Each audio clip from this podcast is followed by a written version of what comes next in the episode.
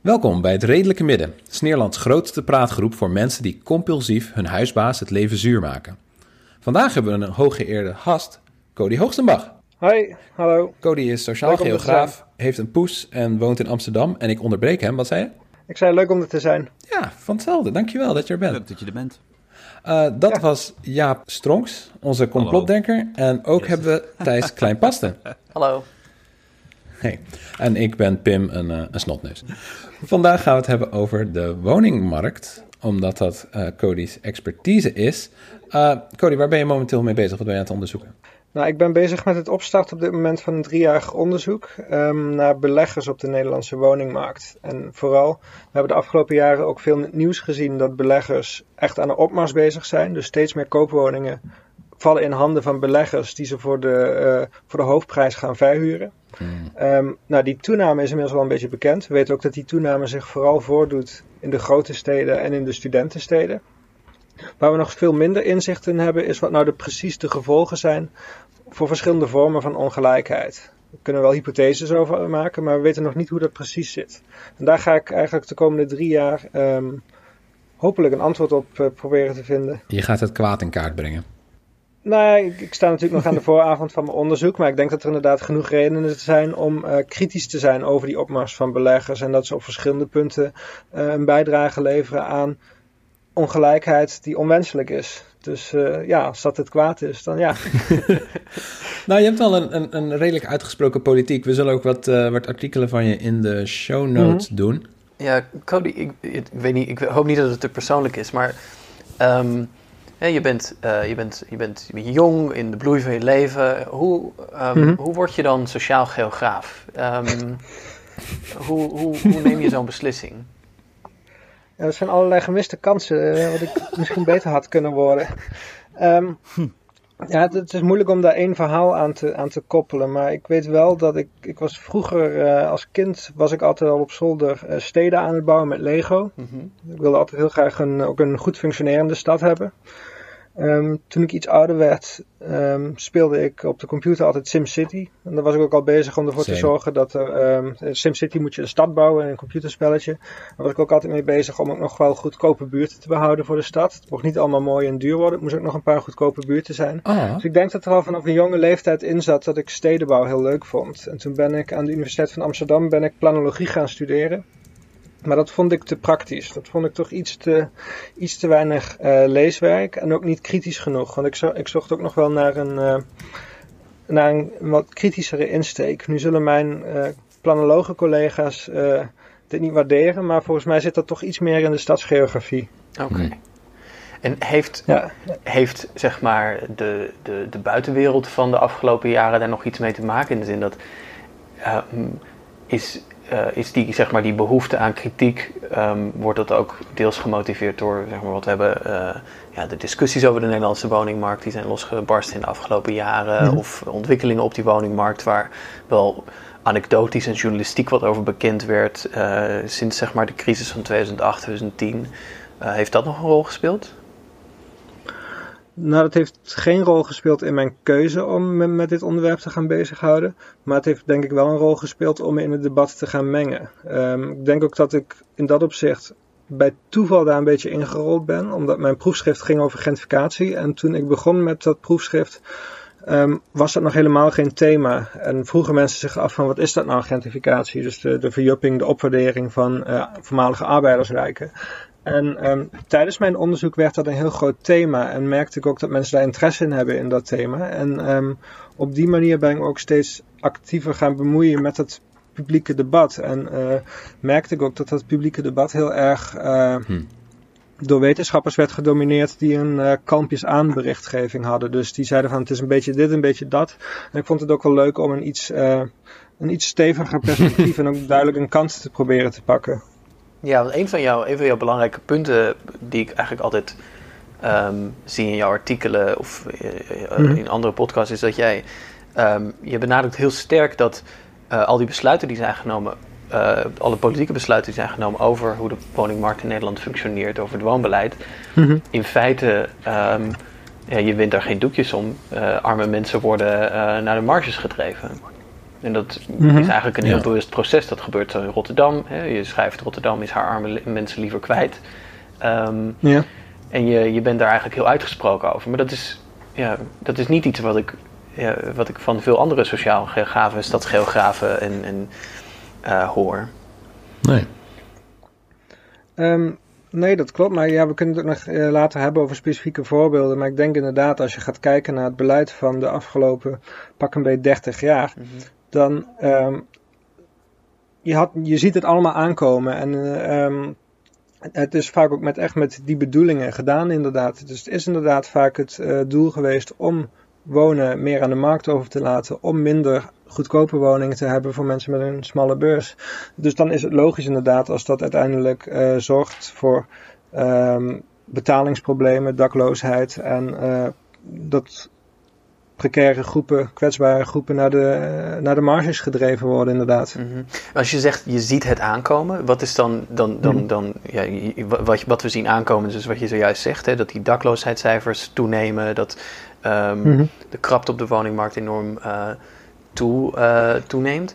Wat is nou, ehm, je hebt het over een periode van 30 jaar, is het nou zo dat, dat die, ehm, is, is er nou een moment wat je kunt aanwijzen in die 30 jaar waarin er echt ja, een belangrijk besluit genomen dat die verandering heeft veroorzaakt? Of is het een geleidelijk aanproces? En welke rol speelt bijvoorbeeld die grote recessie van 2008 tot 2010 erin? Mhm. Ja, het is heel lastig om echt één moment aan te wijzen van eh, toen is het echt in een stroomversnelling geraakt. Of toen ging het helemaal mis, afhankelijk van hoe je ernaar kijkt.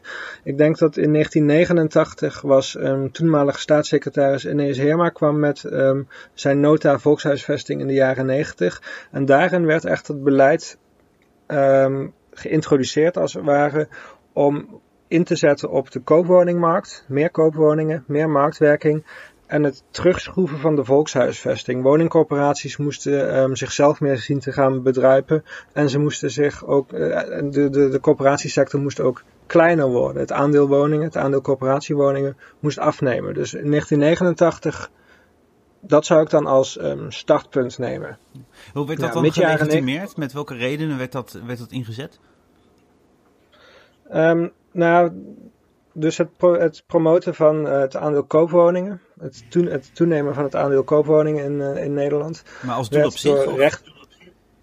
Ja, dat was eigenlijk het doel op zich. Dus rechtse politieke partijen verkochten dat onder het mom van, nou ja, als jij een eigen koopwoning hebt, dan ben je uh, zelfstandig, dan heb je een stukje trots, een stukje verantwoordelijkheid en hoef je geen aanspraak te maken op sociale voorzieningen, want die koopwoning was jouw appeltje voor de dorst. Dus het stimuleren van de koopsector zou op die manier een kleinere overheid, minder sociale voorzieningen mogelijk maken. Dat was het rechtse verhaal. Het rechtsconservatieve verhaal en het ja. uh, christendemocratische verhaal was dus ook verantwoordelijkheid, trots, burgerschap. Ook linkse partijen hebben hier aan meegedaan. Uh, vaak onder het mom van als wij die arbeiders nou een koopwoning geven, dat wordt hun ticket naar de middenklasse. Dus zowel links als rechts hadden hun eigen argumenten, hun eigen redenen om die koopsector um, een duwtje in de rug te geven ten koste van de sociale huursector. Het is ook echt een idee wat we wel zien bij John Rawls, geloof ik, toch? Een sociaaldemocratie van huisbezitters. Ja, precies. En daar verwees uh, Margaret Thatcher bijvoorbeeld ook naar, naar de property owning democracy, inderdaad. Ja. En dan kon je, dan kon je, vrij, uh, dan kon je vrij gaan stemmen. En uh, komen we er nu pas achter dat je evenveel noodzaak hebt aan um, publieke voorzieningen? Want ik bedoel, als je naar het ziekenhuis moet bijvoorbeeld, en maakt het niet zo heel veel gek veel uit of je nou een huur of een koopwoning hebt? Of is het al eerder um, doorgeprikt? Want ik heb het idee dat het een beetje een, een mythe is die, um, ja, ja, die, zoals de meeste mythes, niet helemaal op waarheid berust. Klopt dat? Is, het, is dat al. begint dat besef al een beetje door te sijpelen? Of, of moet dat komen? Of komt dat nu misschien? Dat begint, begint een beetje door te sijpelen, is mijn gevoel. Um, je merkt nu dat het in Nederland, maar zeker ook in Engeland en de Verenigde Staten, die droom van eigen woning bezit, die staat echt onder druk. Zeker omdat jongere mensen, de jongere generatie, die ziet gewoon, het wordt ongelooflijk moeilijk voor mij om een koopwoning te bemachtigen. Ik moet gaan zoeken naar iets anders, naar een huurwoning. En zij zien dat die hele huursector gemarginaliseerd is of overgelaten is aan pandjesbazen die uh, er geen enkele moeite mee te hebben om de hoofdprijs te vragen voor een half krot. Hmm. Dus ik denk dus omdat de jongere generatie nu dat ideaal van, van het kopen van een woning, dat hangen zij in veel gevallen nog wel aan. Veel jonge mensen willen ook gewoon een woning kopen, omdat zij dat hele discours van een koopwoning is superieur, is een stuk vermogen, is een stuk trots, echt bezit. Dat nemen zij ook over, maar ze zien dit is simpelweg niet mogelijk voor mij om dit uh, te bereiken, tenzij ik uiteraard rijke ouders heb.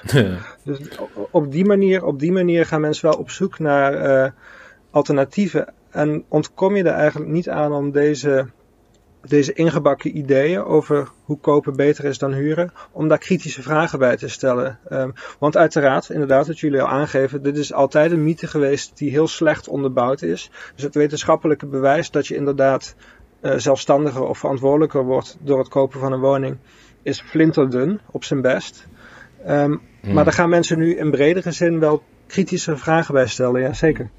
Maar je gaat er wel recht, rechtse van stemmen. Oh, sorry, je gaat er wel rechtse van stemmen. Um, ook al is dat ten onrechte, omdat je denkt dat je die publieke voorzieningen die nodig hebt misschien. Keert er wel nu het schip mm -hmm. doordat blijkt dat, dat mensen beseffen dat het niet zo werkt? Of keert er wel het schip omdat mensen sowieso geen woning meer kunnen kopen, ook al hadden ze het gewild? Um, ik denk dus de tweede. Dus ik denk dat mensen nu naar alternatieven gaan zoeken omdat zij uh, merken, ik kan hier niet aan meedoen in dit feestje van vermogensopbouw. Waarom zouden dan die mensen die wel uh, dat geluk hebben, waarom zouden die allerlei voordeeltjes moeten krijgen, zoals de hypotheekrenteaftrek bijvoorbeeld? Um, en je ziet nu dus ook dat in het Verenigd Koninkrijk afgelopen verkiezingen de conservatieve partij, de, de Tories, hadden voor het eerst een vrij neutraal woonprogramma waarin zij niet heel erg kopen um, voorrang gaven boven hmm. huren. Omdat zij weten, er is een hele generatie jongere mensen in het Verenigd Koninkrijk.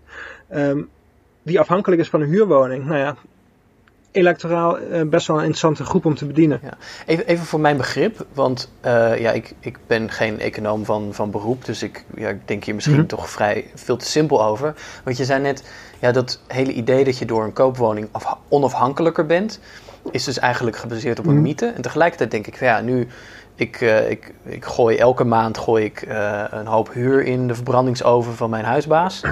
Um, mm -hmm. En dat ben ik voor eeuwig kwijt. Terwijl als ik nou zelf een hypotheek heb, dan betaal ik tenminste nog iets af. En dan aan het eind van de rit zijn die stenen van mij. Mm -hmm. En dan heb ik wel vermogen. Maar mm -hmm. is, dat, is dat dan, is, denk ik daarmee eigenlijk helemaal verkeerd? Nou ja, er zit zeker een, een, ware, een kern van waarheid in. En het, vaak, gaan de, vaak creëert zo'n mythe ook zijn eigen werkelijkheid. En je ziet ook dus dat het symbolisch voorkeur geven aan een koopwoning samengaat met reëel beleid. Reëel beleid dat de koopsector ook daadwerkelijk voorrang geeft. Dus als jij als beleid altijd hebt, we moeten die koopsector gaan uh, uh, allerlei privileges geven en tegelijkertijd gaan we de huursector afbreken, ja, dan kom je op een gegeven moment uh, wel in een situatie terecht waar het ook daadwerkelijk aantrekkelijker is om die koopwoning te hebben dan een, uh, dan een huurwoning. Onder andere omdat je er vermogen mee opbouwt met die koopwoning. Hmm. Ja, ja. Onder andere ook omdat er allerlei beleidsmaatregelen zijn die die woningprijzen de afgelopen decennia flink hebben opgedreven. Dus die, die prijsstijgingen op de koopsector die komen ook niet uit de lucht vallen. Die zijn ook weer het gevolg van beleidsmaatregelen, bijvoorbeeld uh, omtrent de hoeveelheid geld die je kunt lenen bij de, bij de bank voor een hypotheek. Maar zeg je dan in feite, zolang je het kunstmatige onderscheid tussen die twee, die twee uh, hoeken van de woningmarkt in stand houdt. Dus aan de ene kant heb je de huurders, aan de andere kant de kopers. Mm -hmm. Zolang je dat onderscheid in stand houdt, zul je dat conflict tussen de twee belangen krijgen. En eigenlijk zou je. Um, ja, bijvoorbeeld eigenlijk, je, je, zou best een land kunnen hebben waarin je alleen maar huurders hebt of zoiets. Ja, dat, dat zou je prima kunnen doen. Dus um, woonsystemen verschillen heel erg um, overal in de wereld. Dus je, zou, je hoeft alleen maar naar onze buren te gaan kijken, naar Duitsland. En dan kom je al terecht in een land waar veel meer mensen een huurwoning hebben dan een koopwoning. Um, en dan zie je dus ook dat het veel normaler is om pas op een latere leeftijd je eerste koopwoning te bemachtigen. Hmm. Um, dus huren is daar veel meer een aantrekkelijk en betaalbaar en ook een normaal alternatief voor een koopwoning. De huren liggen daar ook wat lager en de koopprijzen zijn daar nooit zo ehm, gigantisch gestegen. Dus het idee van vermogen opbouwen middels je koopwoning is daar ook minder dominant. Dus er zijn heel veel verschillende eh, vormen van hoe je je woningmarkt als land kunt inrichten. In Nederland is wonen is beter dan huren eigenlijk gewoon een self-fulfilling prophecy. Ja, in zeker opzicht wel, ja. Ik ben een, eh, een sneuneus ehm, die onvrijwillig ZZP'er is en eigenlijk niet kan huren omdat ik geen inkomsten heb. En dus ook maar met mazzel een veel te dure huurwoning in Utrecht heeft weten te bemachtigen. Je, je hebt waarschijnlijk wel eh, enigszins eh, zicht. Hoe is het nou eigenlijk voor mij op de woningmarkt? Wat, wat zijn nou echt die alledaagse pijnen die wij, die wij voelen omdat we geen huis kunnen, makkelijk een woning kunnen vinden? Nou, ik denk, ehm, ik denk aan de ene kant, je hebt, je hebt drie pijlers op de woningmarkt in Nederland. Dus dat zijn de koopwoningen, dat zijn de sociale huurwoningen en dat zijn de particuliere huurwoningen. Ja. En ehm, als, we, als we nog niet zo heel lang teruggaan in de geschiedenis, dan zagen we dat die sociale huurwoningen, die waren ook beschikbaar voor mensen met een middeninkomen. Dus had jij een middeninkomen en was je bijvoorbeeld een jonge starter, ZZP'er of niet, nee, die had je ook sowieso veel minder vroeger, Ehm, dan, had je, dan had je recht op een sociale huurwoning. En dan had je een aanspraak, moest je misschien een tijdje op een wachtlijst staan, maar op een gegeven moment kon je die sociale huursector in.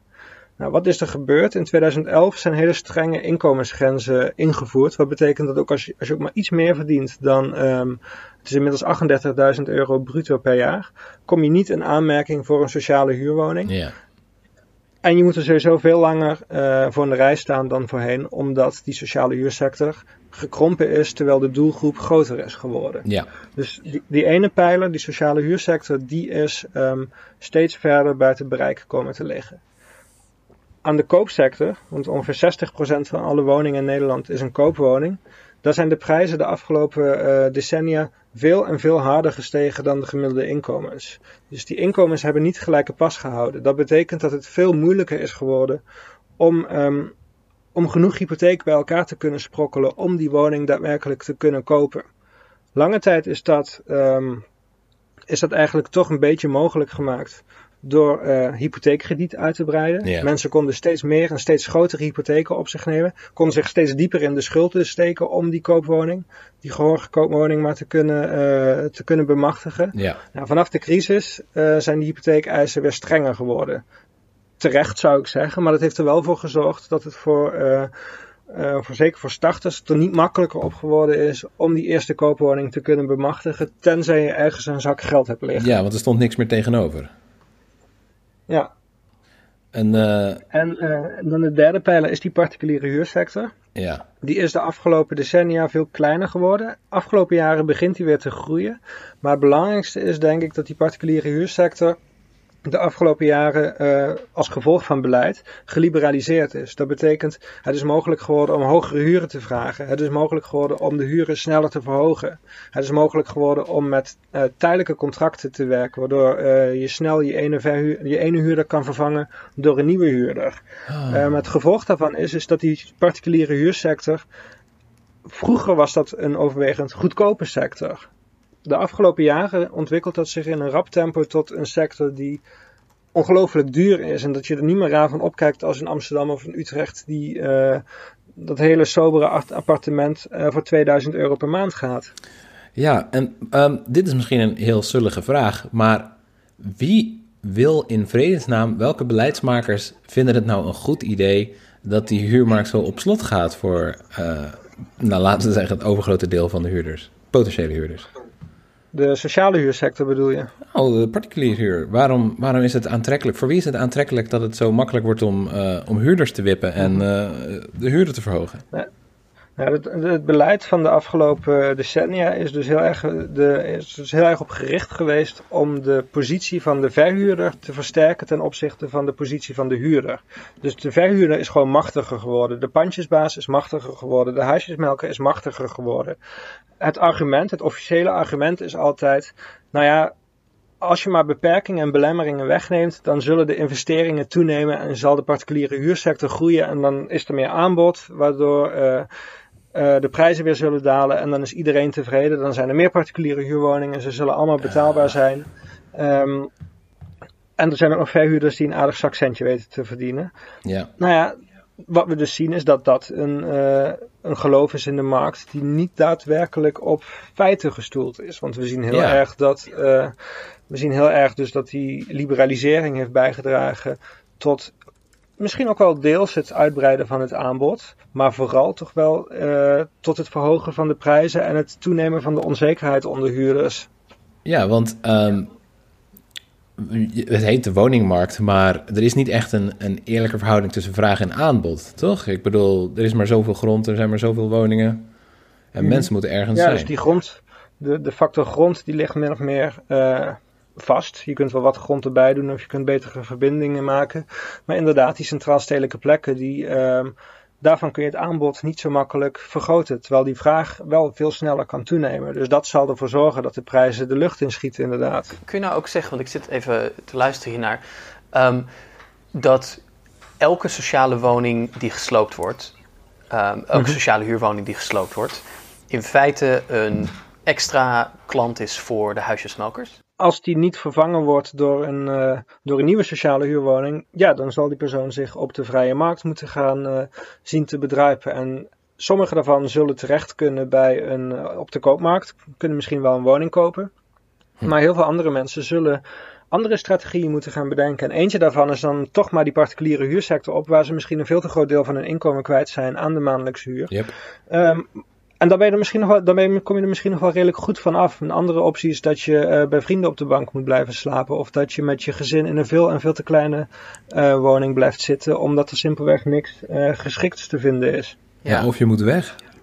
Ja, of ja, weg waar naartoe? Ja, naar de, naar de randen van de. Dus dat wordt ook vaak gezegd van is het nou zo, is het nou zo erg als mensen verdwijnen, als de arme mensen verdwijnen uit, eh, uit de gemeente Amsterdam? Nou, daar kun je allerlei eh, rechtvaardigheidsvraagstukken op loslaten. Maar het is heel praktisch gezien ook gewoon niet makkelijk om een betaalbare sociale huurwoning in de regio te vinden. Het is niet zo alsof in Almere of in. Lelystad heel veel betaalbare woningen vrijstaan. Het is ook gewoon daar ongelooflijk moeilijk om een betaalbare huurwoning te vinden. Ja. We, we merken nu duidelijk dat bij de, bij de pandemie, de coronapandemie, dat er eh, echt beroepen zijn die noodzakelijk zijn om uit te voeren, maar die lang niet genoeg betaald krijgen eh, voor die functies die ze daadwerkelijk vervullen. En je hebt dus mensen die niet terecht kunnen op de woningmarkt, maar die wel op die plaats waar ze eigenlijk zouden moeten wonen, dat werk horen te verrichten. Eh, zorgpersoneel en onderwijzers en vuilnismannen, noem maar op. Ja, dus je ziet ehm, de afgelopen gemeenteraadsverkiezingen van 2018 alweer gingen heel erg over de politieagent, de verpleegkundige en de, eh, de, de brandweerman, de onderwijzer die, eh, die geen betaalbare woning meer kan vinden in Amsterdam of in een andere gemeente. Ehm, en daarvan werd dan vaak als oplossing naar voren geschoven, nou, die moeten een middenhuurwoning zien te bemachtigen. En een middenhuurwoning is eigenlijk gewoon een eufemisme voor een hele dure huurwoning van eh 40 vierkante meter voor 1000 euro per maand. Yep. Maar als we iets verder teruggaan in de geschiedenis, die groepen, die kernberoepen die je zo hard nodig hebt in je stad, die mochten gewoon in een sociale huurwoning. Sterker nog, heel veel van die sociale huurwoningen, heel veel van die woningbouwverenigingen zijn ooit, 100 jaar geleden, opgericht om precies deze doelgroep te huisvesten. Eh, Heel veel woningbouwverenigingen zijn ontstaan door en voor onderwijzers bijvoorbeeld. Ja, En nu ja, krijgen we ja. opeens inkomensgrenzen waarmee de onderwijzers geen recht meer hebben op een sociale huurwoning. Ja, dat is heel erg krom. En eh, nou, de verpleegkundige die niet in de stad kan wonen of die überhaupt nergens een betaalbare woning kan vinden en daarom maar bij de ouders blijft wonen. Ja, dat is een reëel probleem. Ja. En wat je in de grote gemeenten ziet is bijvoorbeeld in Amsterdam, ook in Rotterdam, maar in Amsterdam is het altijd het scherpst, zie je het het duidelijkst en het ergst, is een suburbanisatie van armoede, waarbij mensen met een lager inkomen echt uit de stad gedrukt worden Ja. en terechtkomen in, eh, in Lelystad uiteindelijk. Nou ja, zonder een, zonder een eh, oordeel te vellen over hoe het wonen is in Lelystad. ehm, het aantal banen wat je kan bereiken vanuit Lelystad in vergelijking met Amsterdam maakt het niet eens zo heel veel uit waar je woont in Amsterdam, of dat nou in het centrum of in de buitenwijken is, is 1 zesde. Dus in Amsterdam kun je zes keer zoveel banen binnen acceptabele afstand bereiken ehm, Ja. als in Lelystad. Nou ja, je kunt je voorstellen dat als jij een laag inkomen hebt, misschien heb je ook een onzekere baan, een precaire baan, en je komt in Lelystad terecht en je, je raakt je baan kwijt.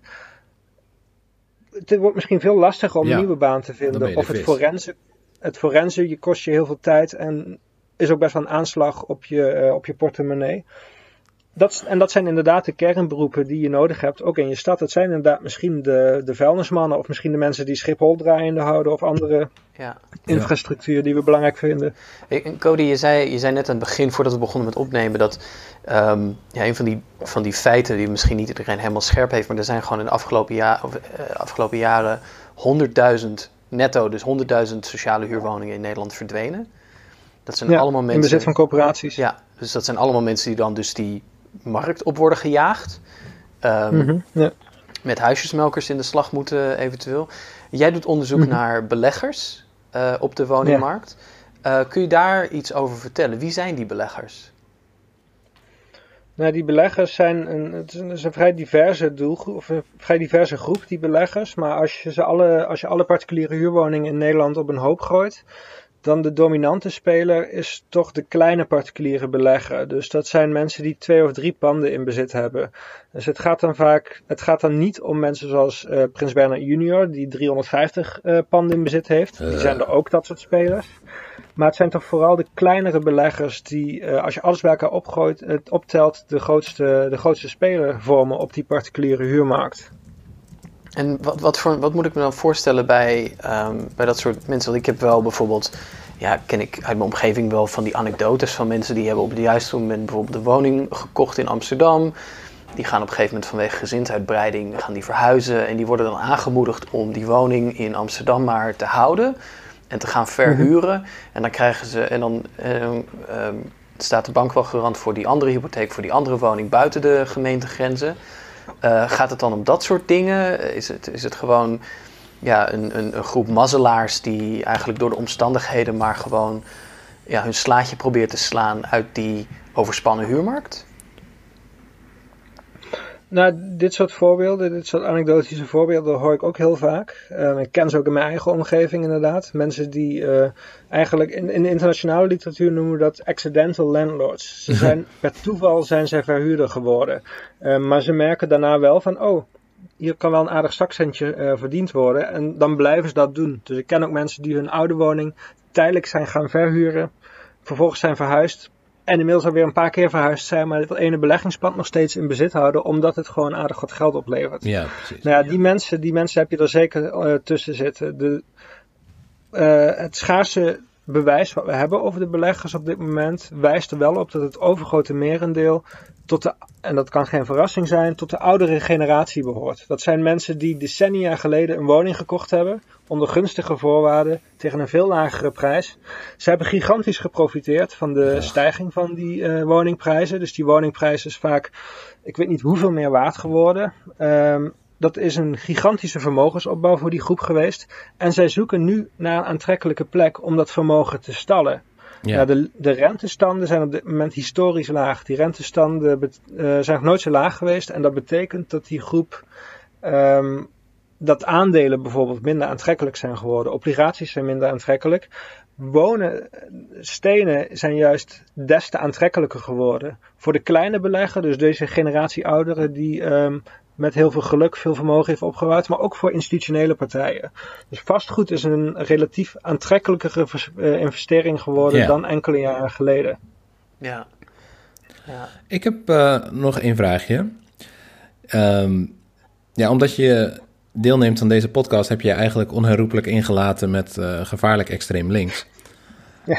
Ehm, dus wat ik benieuwd ben is beleidsmatig. Wat is het meest activistische en impopulaire dat je kan voorstellen nu? Wat jij zou willen aandragen? Op, zeker op structureel niveau vind ik eigenlijk dat we. eh, vraag ik me heel erg af, waarom zou je koopwoningen willen hebben? Waarom zou je überhaupt koopwoningen willen hebben in een stad? Eh, waarom vind je, vinden Hmm. wij het acceptabel dat bepaalde mensen die toevallig op het goede moment op de juiste plek een woning hebben kunnen kopen, daar gigantische winsten mee kunnen eh, cashen, privatiseren eigenlijk die winsten. Waarom vinden we dat acceptabel? En iemand die net niet door al die hoepels weet te springen en niet op de juiste plek op het juiste moment koopt, die eh, blijft zijn hele leven een fix bedrag aan huur te betalen. Dus Ja.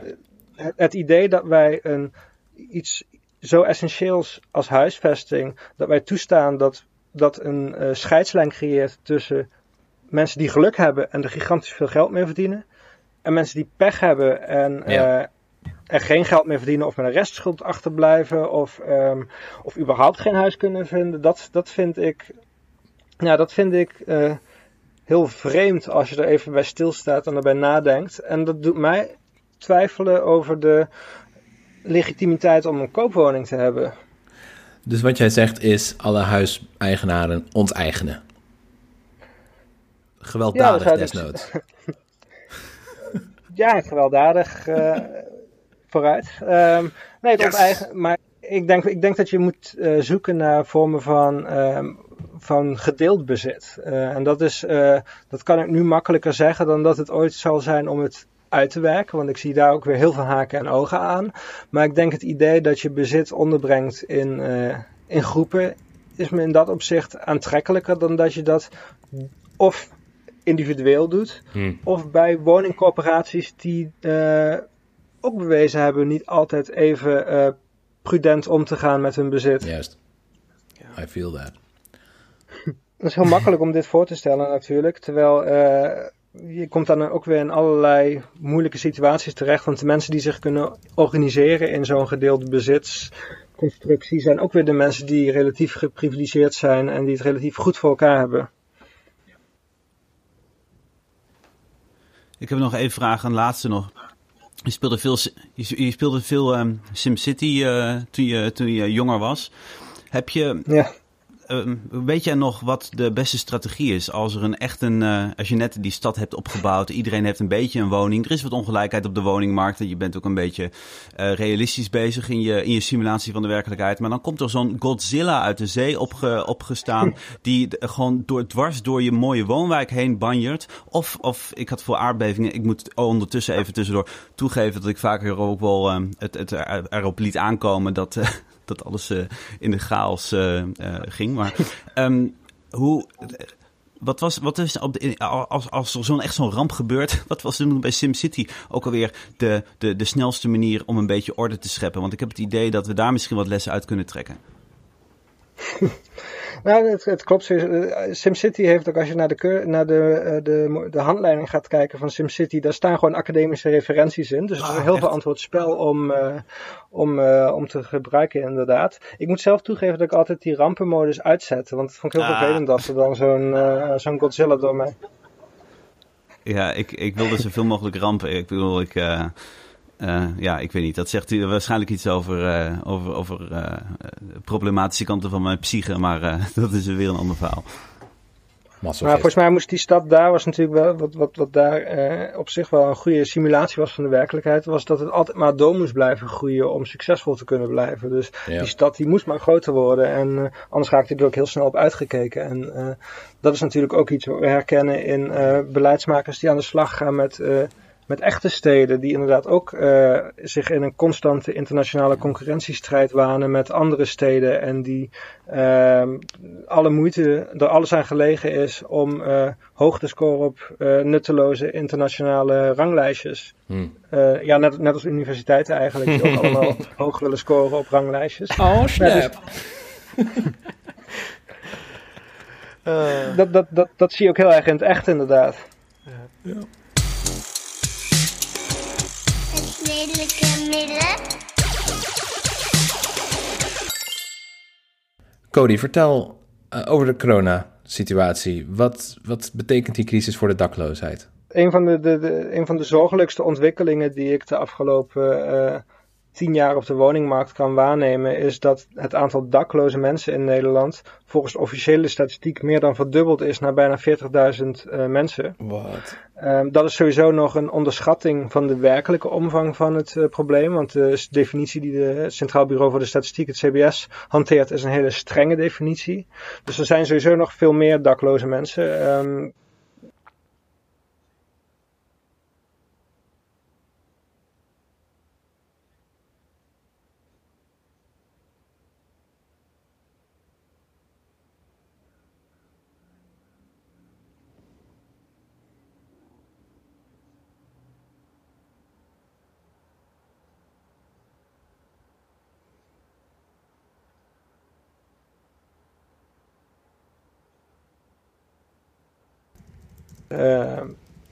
extra kwetsbaar om blootgesteld te worden aan virussen.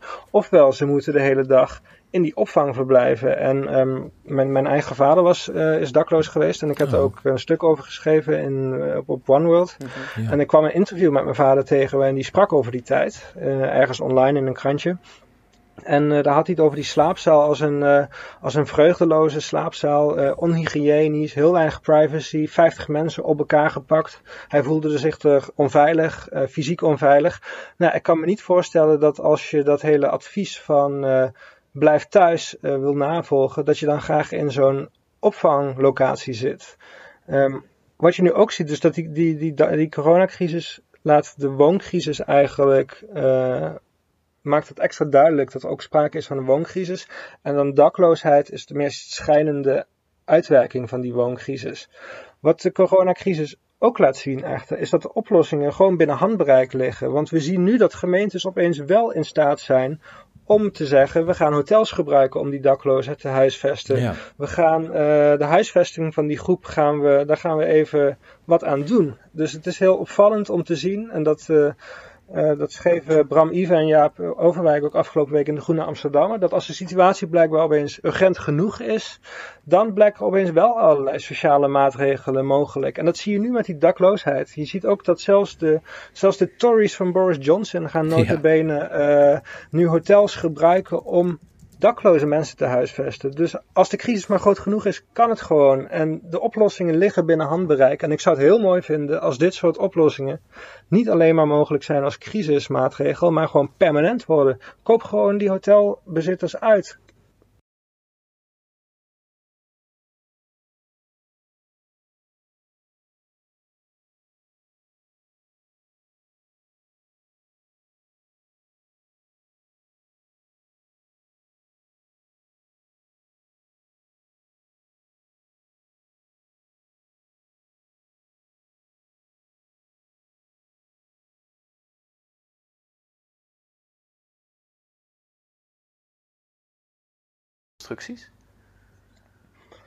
Ja, dat, dat- la- laten we vooropstellen dat Airbnb ehm, in Amsterdam vele malen groter is dan in de rest van Nederland. Ehm, dus ook in vergelijking met andere Nederlandse steden.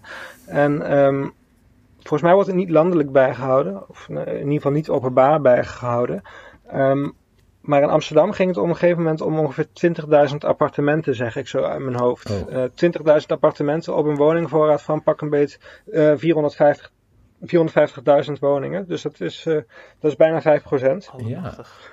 Ehm, dan moet je er wel bij zeggen, we weten niet welk deel permanent onttrokken wordt. We weten niet welk deel, welk deel gaat over, eh, of dat weet ik niet uit mijn hoofd in ieder geval, welk deel nou gehele woningen zijn of kamers. Maar dat het om een substantieel aantal gaat, ehm, dat lijkt me duidelijk. Hmm. En ik kan me er ook bij voorstellen, eh, dus er, er vindt permanente onttrekking plaats via Airbnb en andere vakantieverhuur.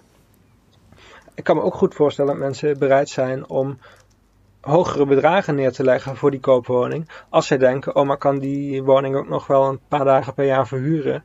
Eh, en dan verdien ik weer wat van dat geld terug. Dus het is ook heel logisch, heel aannemelijk dat er een prijsopdrijvend effect aan, eh, aan verbonden zit. Je kunt, er geen, je kunt er niet meer hypotheek door krijgen, maar je moet toch eigen vermogen gebruiken. Ik kan me best voorstellen dat je bereid bent om nog net iets verder te gaan met de ander overbieden. Ja. Als je denkt van, oh maar dat verdien ik wel terug via Airbnb. Ja, ik herinner me echt ook uit de beginperiode van Airbnb. ook, toen ze net in Amsterdam begonnen. Toen had je posters op de abris met een soort hele rare wervende tekst van...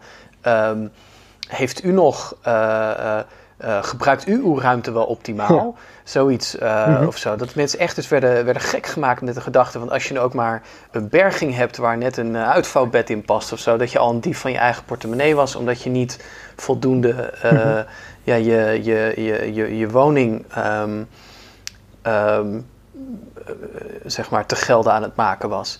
Ehm, Ja, je, je Ja. wordt echt gestimuleerd om een soort van calculerende burger te zijn die Ja. strategisch te werk gaat en die denkt van, ik, dit, is niet alleen een, dit is niet alleen een thuis voor mij, dit is niet alleen een, een dak boven mijn hoofd, Ja. maar ook een investeringsobject, een beleggingsobject. Hoe kan ik die woning, hoe kan ik die ten gelde maken? En eh, ik, dat, zie je, dat zie je met Airbnb, met koopwoningen. Hoe kun je die extra kamer nou verhuren? Of wat kun je doen als je een paar dagen weg bent om nog wat geld te verdienen? Ja. Maar dat zie je ook, eh, we hebben het eerder gehad dus over die ideologie dat kopen superieur is aan huren. En dat huren geld weggooien is.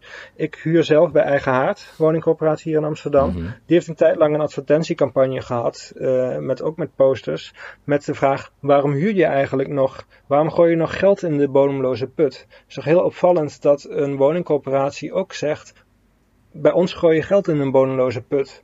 Dat is ook weer dat, het idee dat je, die, dat je vooral financieel strategisch te werk moet gaan op de woningmarkt. Ja, ja, ja. ja het is heel eigenaardig. En Amsterdam destijds, toen Airbnb kwam, heeft toen beleid gemaakt dat als je in een sociale huurwoning woonde, dan, en, je, en je werd ge- gepakt als dat je verhuurde via Airbnb, dan kon je dus je woning uitgezet worden. Terwijl ze dat beleid dus niet hadden voor, want dat kon dus niet maken, voor eh, als je eh, zeg maar op de vrije markt eh, huurde. Eh, dus als jij kennelijk een heel groot eh, ruim appartement had op de vrije markt wat je huurde, dan kon je dus wel eh, aan Airbnb meedoen. Maar als je in een sociale huurwoning zat, dan werd je door de gemeente keihard gestraft. Dus als je het dan hebt over die ongelijkheid op de markt, dan is dat ook nog weer zo'n bizarre situatie die eigenlijk alleen maar een soort ja, ver- versterkend effect had op de bestaande ongelijkheid. Nee, dat, dat klopt helemaal. Dus volgens mij, als je zou, eh, als je, als je echt zou kunnen garanderen dat Airbnb niet misbruikt wordt, dus dat je het maar een paar dagen per jaar verhuurt en dat het verder goed gehandhaafd wordt en dat er geen misbruik van gemaakt wordt, dan zou je zeggen, dan moeten huurders dat ook kunnen doen, want op dit moment creëert het alleen maar vermogensongelijkheid tussen de koper of de particuliere huurder die wel geld kan verdienen met die huurwoning Ja. en de sociale huur- huurder heeft dat recht niet. Maar eh, ja, dat, als je zover zou willen gaan om het ook toe te staan in de sociale huursector, dan moet je dus ook die garantie hebben dat er geen misbruik mee gebruikt mag. Ja, precies. Dus dat het echt alleen maar even geldt voor eh, een tijdelijke. Ja, je, je hebt, je hebt twee of drie dagen per jaar. Ja. Een paar dagen per jaar inderdaad. Ja, want anders Eh, komt ook die echt- inkomensgrens in het geding en zo, neem ik aan. Ja, dat is een goede vraag. Ik weet niet precies hoe, zo- hoe zo'n ehm, hoe zo'n huurinkomsten via Airbnb meetellen met die inkomensgrenzen. Het is natuurlijk wel zo dat die inkomensgrens, die inkomen wordt, alleen- het inkomen wordt alleen maar getest ehm, bij aanvang van de huur. Dus Ja. hoe je inkomen daarna zich ontwikkelt, daar, eh, daar wordt niet meer op getest. Oké. En is er nog iets dat je echt gezegd wilt hebben deze aflevering? Even denken, nou ja, wat ik, wat ik in algemene zin heel belangrijk vind, is dus dat, ehm, wat mij betreft, zouden we veel meer moeten nadenken over ehm, het recht op huisvesting en dat centraal stellen. We moeten gewoon erkennen dat het recht op huisvesting opgenomen is in de Nederlandse grondwet. We moeten erkennen dat het recht op huisvesting ook eh, indirect verankerd is in het Europees Verdrag voor de rechten van de mens. Eh, en dat recht op huisvesting is. ehm, is meer dan alleen een dak boven je hoofd. Dat betekent dat je een betaalbare, veilige, zekere, eh, passende en ook gezonde woning moet hebben. Ja. Als je dat recht op huisvesting serieus neemt, als je dat recht op huisvesting accepteert, dan vind ik ook dat je de overheid daaraan moet eh, aansprakelijk voor kunnen houden. En dat betekent dus ook dat, wat mij betreft, de overheid er zorg voor moet dragen dat dit recht zo goed mogelijk verwezenlijk wordt. En dat er aantoonbaar stappen in de juiste richting gezet worden. En dat is op dit moment volgens mij allerminst het geval. Kijk alleen maar naar die daklozen die Ja. eh, de afgelopen jaren in aantallen verdubbeld zijn. Maar ook, ook als je andere statistieken erbij neemt, zie je ook een verslechtering van de situatie.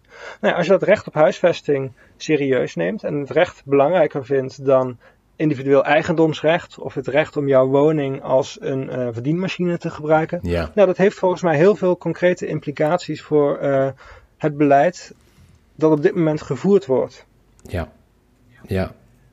Ja, vrij simpel. Dat is een lastige afweging. De markt geeft eh, meer liefde en voorkeur natuurlijk aan, eh, aan eigendom en aan eh, verdiensten dan aan het recht om te wonen. Ja, dat, dat, dat, op dit moment zie je vaak dat het individueel eigendomsrecht uiteindelijk wint ten opzichte van dat recht op huisvesting. En ik vond dat dat opzicht van de kraken altijd wel een mooi, Ja. een mooi eh, tegenwicht. Inderdaad, een soort van stok achter de deur. Van als je nou echt dat eigendomsrecht misbruikt, want als je een woning permanent leeg laat staan als een speculatieobject, dat is natuurlijk de, de, de grootste misbruik van het eigendomsrecht, dan hebben wij kraken als pressiemiddel. Ja. Maar goed, die, die hoogtijdagen van, eh, van kraken liggen in Nederland al eh, enkele decennia achter ons. Helaas. Helaas. Cody, heel erg bedankt voor ehm, dat je het gast wilde zijn bij ons in de podcast. Uh, ik heb er niet alleen heel erg veel van geleerd, maar ik heb er ook enorm veel plezier aan beleefd om naar je te luisteren. Eens. Um, ja, dankjewel. Ik vond het ook heel leuk. Top. Nou, en uh, laten we hopen dat, uh, dat de maatregelen die je hebt genoemd, de, de, hoe, hoe radicaal ze nu ook mogen lijken, misschien toch in de toekomst wat, wat dichterbij komen. Misschien zijn ze binnenkort niet meer radicaal. ja, wie weet. Dat zou zomaar eens kunnen, ja.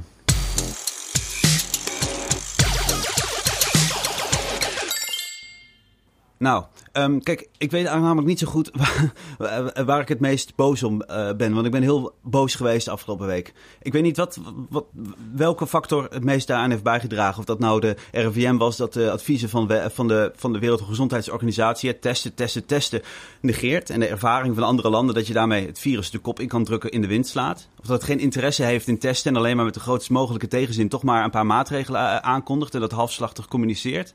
Of dat de overheid en RIVM officieel nog altijd van de lijn zijn dat we een muurtje opbouwen en het virus gecontroleerd laten verspreiden en groeien in plaats van het tot nul terugbrengen, ondanks dat het een ramp is voor de volksgezondheid en de economie. Of dat Rutte in zijn speech zegt dat de meeste Nederlanders het virus wel zullen krijgen. En dat we een muurtje moeten opbouwen door dus gecontroleerd dat te laten groeien. Ondanks dat dat catastrofaal is. Of dat daar in de afgelopen week een klein beetje van wordt teruggekomen met de uitspraak dat het niet het hoofddoel was hoor. Hooguit een, een bijeffect en dat media hen daar ook mee laten wegkomen. Eh, zonder de, hen te betrappen op de logische inconsistentie dat een catastro catastrofaal bijeffect nog steeds catastrofaal is. Ja. Of dat de richtlijnen uitgaan van afstand houden en thuisblijven bij klachten in plaats van gewoon thuisblijven. Dat als ik een avond koorts heb, eergisteravond, hè, en ik bel de corona-infolijn van de overheid. Dat Ja. ik, als ik zeg ik heb koorts en, en, en, en, en een beetje diarree, het had ik dat ik te horen krijg, ja, het is wel beter dat een huisgenoot dan boodschappen gaat doen. Maar als het dan niet anders kan, mag je zelf ook wel. En, en, en de rest kan gewoon, als zolang ze geen klachten hebben, gewoon de deur uit. Terwijl je eh, al lang bekend is dat je ook al besmettelijk bent als je geen klachten hebt. Of, Ja. nou goed, of dat, het, of dat het kabinet en RIVM nu wat mopperen dat mensen zich wel aan de richtlijnen moeten houden. En, en, en, en dat ehm, Rutte ondertussen zegt, vanmorgen zag ik eh, mensen gezellig samen buiten. Prima, maar houd wel afstand. Hij zegt ook gezellig naar buiten. Kijk, kijk de, eh, vandaag, hè, de Wereldgezondheidsorganisatie zegt... eh, once we've suppressed the transmission, we have to go after the virus. Ze zeggen, je hebt niks aan een lockdown. Pas op, Europa, je hebt niks aan zo'n lockdown... als je niet ondertussen ook dat virus te lijf gaat... met testen, testen, testen en isoleren. Eh, en dat de media dat vertalen naar, zowel NOS als nu.nl... lockdowns zijn niet de oplossing. En weglaten dat het niet de oplossing is... indien je ondertussen geen fuck uitvoert. Ah, Of is het de gekmakende stiltespiraal die iedereen, inclusief de hele fucking linkse oppositie, opsluit in een zo'n kennelijke modus van onvoorwaardelijke loyaliteit en conformisme aan de Haagse mores, waardoor effectieve tegenmacht en een kritisch publiek debat over de grootste crisis van ons leven, in ieder geval van deze generatie, gewoon uitblijft. Ja. En elke meta- maatregel van de week te laat komt met rampzalige gevolgen. En, en, en mensen zoals ik als een malle appje een beetje draadjes moeten twitteren. Eh, of, maar ik kies toch voor het volgende. Hè. De, de, de- of de RIVM zit dermate vast in zijn eigen tunnelvisie... dat in het noorden nu de landelijke lijn wordt losgelaten. Het Groninger model. Zo, zo zal het eh, eh, nou ja, in ieder geval door mij getooid worden. En zij ze kiezen voor massaal testen, testen, testen. Dus Jaap van Dissel, moet, hoofd van de RIVM, moet aftreden. En we roepen iedereen op. Ik ga zo meteen testen, testen, testen.nl in elkaar tikken. En, eh, en we moeten al- gewoon alle regio's oproepen om ook gewoon eh, rogue te gaan. En, en, en, en die lijn te volgen. De lijn van Groningen, de lijn van de Wereldgezondheidsorganisatie. Eh, want ook in Groningen hebben ze gewoon testmateriaal zat. Die, die, die, die snappen niet waar de RIVM het over heeft. Want jongens, dit moet echt anders. En nou ja, Ja, het be- belangrijk is natuurlijk dat, dat zodra het aantal besmettingen terugloopt door een lockdown, is het belangrijk om te weten waar het virus zich nog begeeft, zodat je niet de hele samenleving op slot hoeft te doen elke keer wanneer er een haard ontstaat van besmettingen. Nee, het is ook niet 18 maanden. Je moet iets van vijf weken, zeg maar twee, of twee à drie incu- incubatieperiodes van twee weken achter elkaar. Je doet een lockdown, gewoon echt zo weinig mogelijk interactie. Dan zie je wie er ziek wordt, die kun je behandelen. En dan kun je hun huisgenoten isoleren en die, eh, die testen. En, en en checken waar ze, of ze toch nog contact hebben gehad met andere mensen. Die opsporen en die testen. Nou, daar moet een paar cycli overheen. Elke cyclus is ongeveer twee weken. Ehm, en en nou ja, na een maandje of zo, dan kun je de boel langzaam versoepelen. En dan ondertussen heel veel testen overal. Overal van die testwasstraten moet je ook aanleggen. Ja, zoals En in dan- Zuid-Korea. dan weet je waar het is. Ja, maar dat is niet de lijn. En Want weet je, als je kijkt naar de website van de fucking RIVM... en je kijkt bij de algemene vragen, bij de onderactualiteit... eh, bij de vragen en antwoorden. Waarom heeft een eh, lockdown geen zin? Nou, de lockdown heeft geen zin omdat we dan geen immuniteit opbouwen. Eh, dat is, maar je moet er geen immuniteit opbouwen, want daar zijn, dat, doe, dat doe je 13 jaar over en dan gaan er 100 tot 150.000 mensen dood en, en, en hebben we geen economie meer over. Maar dat staat nog steeds op de site, dat is, is nog steeds de lijn en het is van een, van een gekmakende stupiditeit en ik ben echt fucking woedend. Uh, want we zijn niet gek. Ik zit ook in een appgroepje, ook met journalisten erin en, en ook mensen uit politieke partijen. Maar er zijn echt maar, het zijn eenlingen die een beetje uh, gezamenlijk kritisch durven zijn. En, maar die geen, geen stem hebben, geen in het publieke debat. Ja, een los artikel in De Groene, een los artikel in Follow the Money. Uh, een nieuwsuuruitzending waarop Oosterhuis het één keer doet, één keer probeert. En die denkt dan ook, ik heb mijn kruid verschoten. Want hij wordt gekielhaald omdat hij tien jaar geleden onterechte kritiek kreeg over belangen die hij ze ergens bij zou hebben wat niet zo was. Ja. Die, die denkt ook van, zoek het maar uit verder. Ik heb op landelijke televisie als expert, als, als, als emeritus hoogleraar in, in, in, in uh, virologie.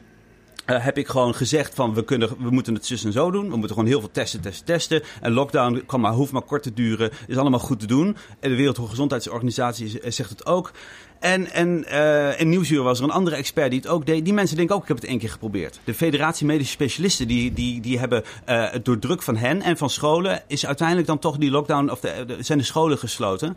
Maar in het persbericht daarna werd toch wel vermeld... dat de Federatie Medische Specialisten zich conformeert aan de RIVM. Want dat moesten ze dan wel uh, doen. Iedereen kan houdt zich of stil, of ze zeggen één ding en worden daarna in die vortex ges... Ik weet niet of dat het goede woord is. In ieder geval dat zwarte gat van die, die, die spiral of silence. Hè, want uh, gezogen die, die uh, een wetmatigheid in zich heeft van automatisch conformisme. Omdat je bedenkt, ja, je wordt zeg maar geostracized uh, als je um, afwijkt van van de norm. En daarom, yeah. daarom denk ik ook, ik ga die website maken, testen, testen, testen. Want ze zeggen altijd, je hebt geen autoriteit. Ja, maar het gaat niet om autoriteit op het gebied van virologie.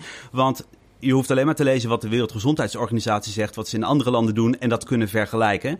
En als je vervolgens constateert dat, dat die kritische vragen uitblijven en dat het debat uitblijft, dan is er geen sprake van um, kritiek op beleid uh, op, op het gebied van virologie of zo. Nee, ik heb gewoon, je kunt gewoon constateren dat het een fucking spiral of silence, zo'n stiltespiraal is, waardoor het, er geen tegenmacht is en het debat niet functioneert. En ik heb, ik bedoel, ik heb het niet helemaal afgemaakt, want die scriptie die had ik geen zin om af te maken, maar ik heb ook com communicatiewetenschap gestudeerd. Ik nou, ik voel me net, ik voel me voldoende uh, autoriteit om, uh, om gewoon hier nog even met een gestrekt been in te gaan. Ik ben er nog echt klaar mee. Testen, testen, testen, testen, testen.nl. Het redelijke midden.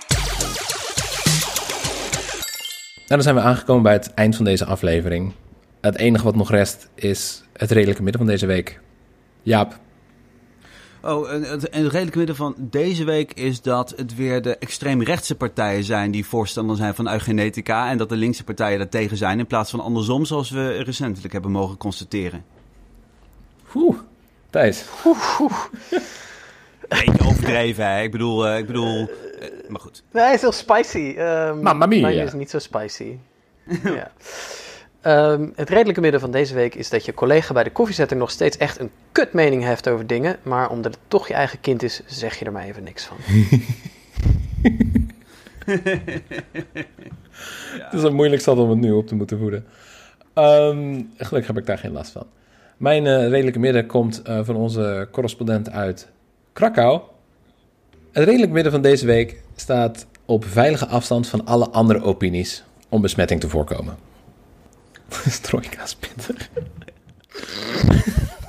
Strooika is pittig. uh, Oké. Okay. Um, dat was het voor deze week. Hartelijk bedankt voor het luisteren. Uh, smash de like en subscribe button. Niet op Spotify als het even kon. Ik was Pim van den Berg. Je kunt mij op Twitter vinden BVDPim. Ik was hier met Jaap Stronks, Jaap Stronks. Ik ja. was hier met Thijs Kleinpaste, Kleinpaste Thijs. En Cody Hoogstenbach, Cody Hoogsten B. Um, zorg goed voor jezelf, blijf thuis en veel gezondheid gewenst. Tot volgende week. Doei. Yo. Uh, en even door naar de kroeg.